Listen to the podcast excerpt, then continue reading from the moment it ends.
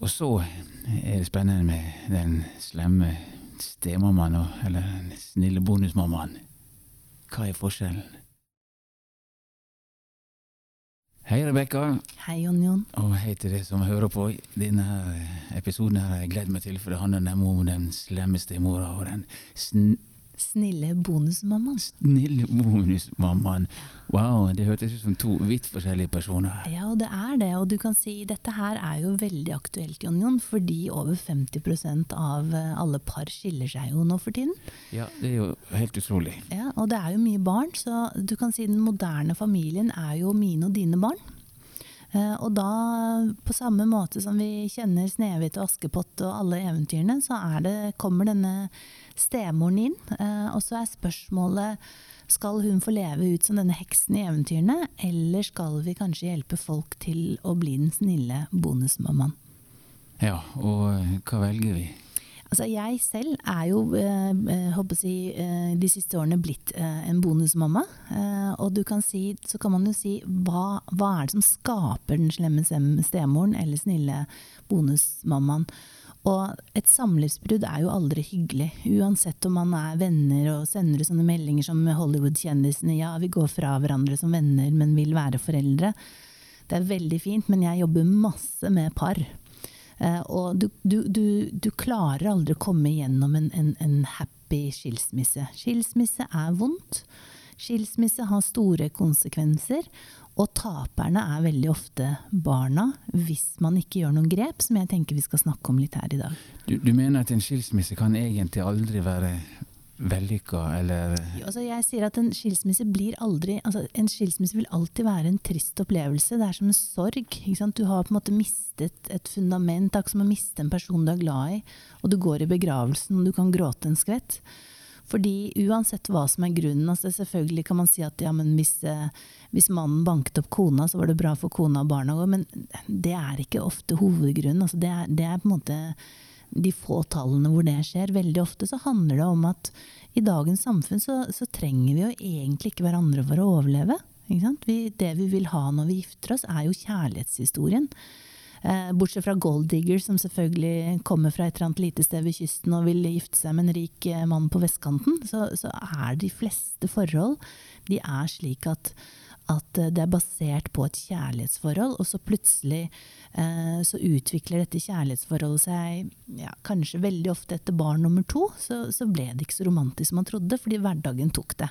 ofte etter barn nummer to? Ja, jeg pleier å si det pleier å gå ganske greit med barn nummer én, men, men de fleste parforhold kjenner litt på utfordringen å være kjærester i hverdagen når unge nummer to kommer, fordi når den ene ungen blir syk, så blir den andre syk. Eh, og der hvor man før kunne slappe av være kjæresten når barnet sov, så kan du være sikker på at den andre ungen er våken. Så du kan si det er faktisk en jobb å være en familie. Eh, og jeg tenker at eh, når, da, når man da velger å gå fra hverandre, det er jo ulike grunner. Det er alt fra at man føler at man ikke har noe kjærlighet, til utroskap, til, til at man skal selvrealisere seg på en måte. Eller ja, det er masse, masse grunner. Og det jeg vil si er at når man ser på barna, siden vi snakker om stemor og bonusmamma, så er jo litt av vinklingen også på barna. Det er at forskningen viser jo at selve bruddet og det at mamma og pappa går fra hverandre, ja, det er trist, men det er ikke det som på en måte gir de negative konsekvensene for skilsmissebarn. Det er faktisk de, særlig de første to årene etter et brudd, hvordan mamma og pappa oppfører seg, og hvordan nye partnere blir involvert i, i den nye, moderne familien. Og du kan si Veldig ofte i dagens samfunn så er det slik at um, selvfølgelig så vil uh, alle barn egentlig at mamma og pappa skal være sammen. Uh, men når de da går fra hverandre, uh, så, så, har vi voksne ofte en tendens til å hva skal si, kose, og, og, og, veldig mange både menn og kvinner sier til barna sine 'jeg lover at jeg ikke skal få en ny kjæreste'. For da tenker de akkurat der og da at de skal flytte fra hverandre, og hvis de har en kjæreste, så skal de ikke introdusere dem på hjemmebane. Men det går jo ikke. Altså, vi, vi er flokkdyr, og vi er kjærestedyr, holdt jeg på å si, så, så det er bare et tidsspørsmål eh, før det kommer en ny partner. Og du kan si eh, det som ofte skjer, er jo at den ene partneren finner seg en kjæreste først. Uh, og veldig ofte så er det mannen som raskere får seg en kjæreste. Fordi han klarer seg ikke så bra uten en dame. Altså, forskningen viser også at menn som ikke lever i parforhold, de blir lettere syke. Eh, de lever ikke så lenge, så for dere gutta så er det faktisk lurt å være sammen med oss. Mens vi kvinner, vi klarer oss faktisk uten dere. Men vi, men vi er kanskje sånn overmye sånn romantiske også.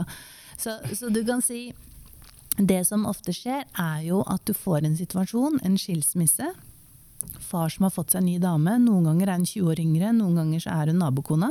Ikke sant? ja. Eh, fordi man finner jo enten folk enten i nabostrøket eller på arbeidsplassen. Er det en, er det, en statistikk på? Veldig det? ofte. Ja. Veldig ofte på arbeidsplassen er jo sånn standard. ikke sant? ja. Og så har du da mor som sitter igjen med barnet, og så, og så begynner familievernkontoret liksom åpen mekling.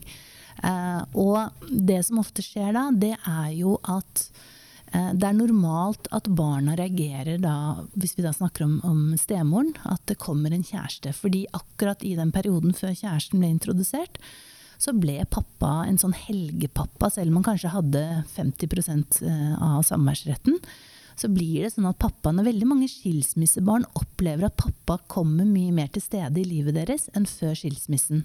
For før skilsmissen så jobbet pappa veldig ofte ute. Da, da orket han ikke være hjemme, og så, og så finner han ut at jeg skal jobbe masse.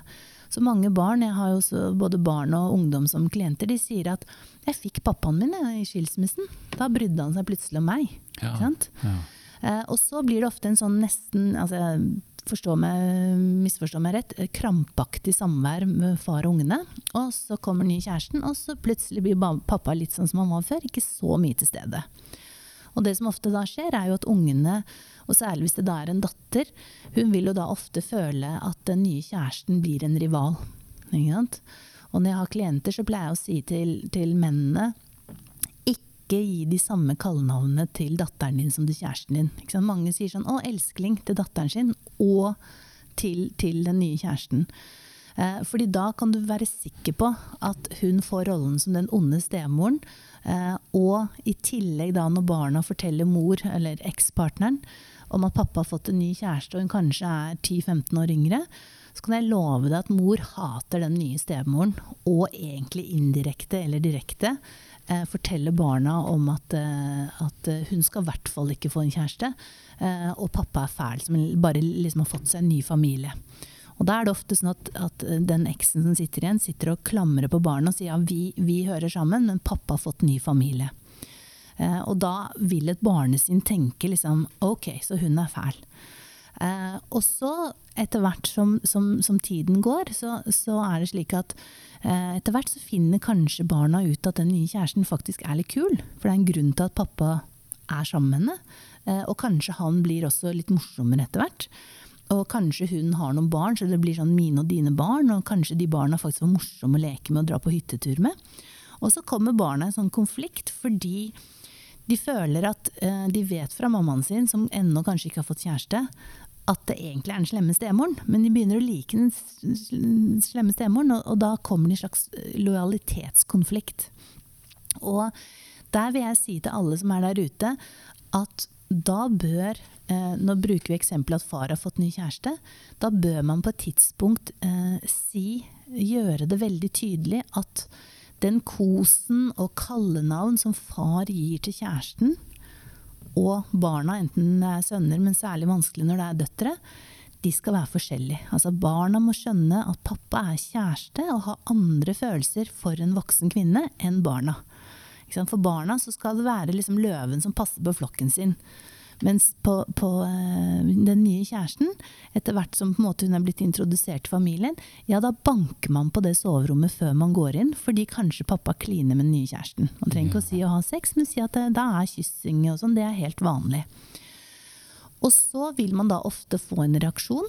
Eh, og da vil jeg gi det rådet at det kan være lurt at den nye si, stemoren eh, kanskje tilbringer litt tid med barna, og så spør dem rett ut. Ja, jeg skjønner at dere egentlig vil at mamma og pappa skal være sammen. Jeg skjønner at dere egentlig tenker på meg som den slemme stemoren, for alle barna kan Askepott og Snehvit-eventyrene, så det, du trenger ikke ha en dyp forklaring, du trenger bare sitte og se på Snehvit sammen med dem, så, så er de rett på sak. Og så si vil dere at vi skal være sånn den slemme stemoren og barna som slår seg vrang og sånn? Eller skal vi ha det litt hyggelig, og, og, og at jeg heller kan bli den snille bonusmammaen? Fordi hvis man faktisk da spør barna, etter at liksom partneren har kommet inn i familien, og vi snakker liksom ikke om andre møter, men kanskje etter to år, så vil barna veldig ofte føle en lettelse over at de blir konfrontert. Må jeg fortsatt spille den rollen at jeg hater deg? Eh, eller kan du faktisk bli en kul bonusmamma? Og jeg liker ordet bonusmamma, det fins masse blogger og sånn om det. Og da kan man bli enige. Ok, da lager vi en avtale. Hvis du oppfører deg hyggelig, så skal jeg være hun snille bonusmammaen. Eh, hvis du syns det er kjedelig at pappa og jeg blir for mye kjærester når vi er liksom rundt måltid, så skal jeg skjerpe meg litt på det. Så lager du rett og slett en avtale. Fordi i og med at det er så mange som, som får hva skal si, bonusfamilier, altså den moderne familien, så vil jeg si at en bonusmamma eller bonuspappa men siden vi snakker om bonusmamma i dag, det er en ekstra ressurs. Veldig ofte så er det noe som, som man si, kanskje ikke fikk fra sin forrige partner, og som faktisk kan være en ekstra ressurs eh, for dette barnet. Eh, og på samme måte så, så, kan man gjøre det samme om det er eh, en, en kvinne som får en bonuspappa. Men det handler litt om at det er greit at barna syns du er den slemme stemoren først. Det er bare sånn det er. Det er en naturlig reaksjon. Men på et visst punkt så må man stoppe og konfrontere ungene og si 'hva vil du ha'? Og så spørs det da om denne eksen har fått seg en ny kjæreste, denne eksmammaen. Eh, eller ekspartneren. Hun er jo aldri eksmamma, hun vil alltid være mamma. Og det er også veldig viktig at bonusmammaen skal aldri bli mammaen. Eh, hun skal alltid bare være en ekstra ressurs, en voksenperson som man kan stole på, og kanskje lære noe som, som verken mamma eller pappa kan. Og som veldig mange barn også kan noen ganger snakke om at hvis mor og far fortsatt har en konflikt, så faktisk si at det er litt slitsomt at mamma og pappa driver og krangler sånn hele tiden.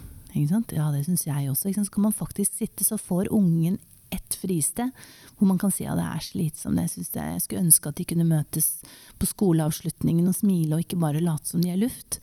For veldig mange skilsmissebarn de forteller meg når de kommer til meg, at mammaen og pappaen min, vet du hva de kan? De kan krangle uten å si noe.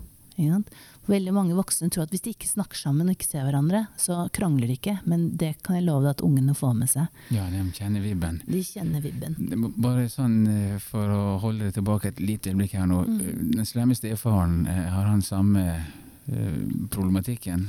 Altså, den slemme stefaren, altså det som er med, med menn, det er jo ofte at Eh, der hvor de kan bli den slemme stefaren, det handler mer om at de kanskje er strengere enn den biologiske pappaen. Men veldig ofte så blir jo og Vi snakket jo med noen kollegaer her ute. Ofte så blir den nye stefaren han, han, sitter jo bare i sofaen. Han sier jo ikke så mye, men sier jo ikke alltid så mye.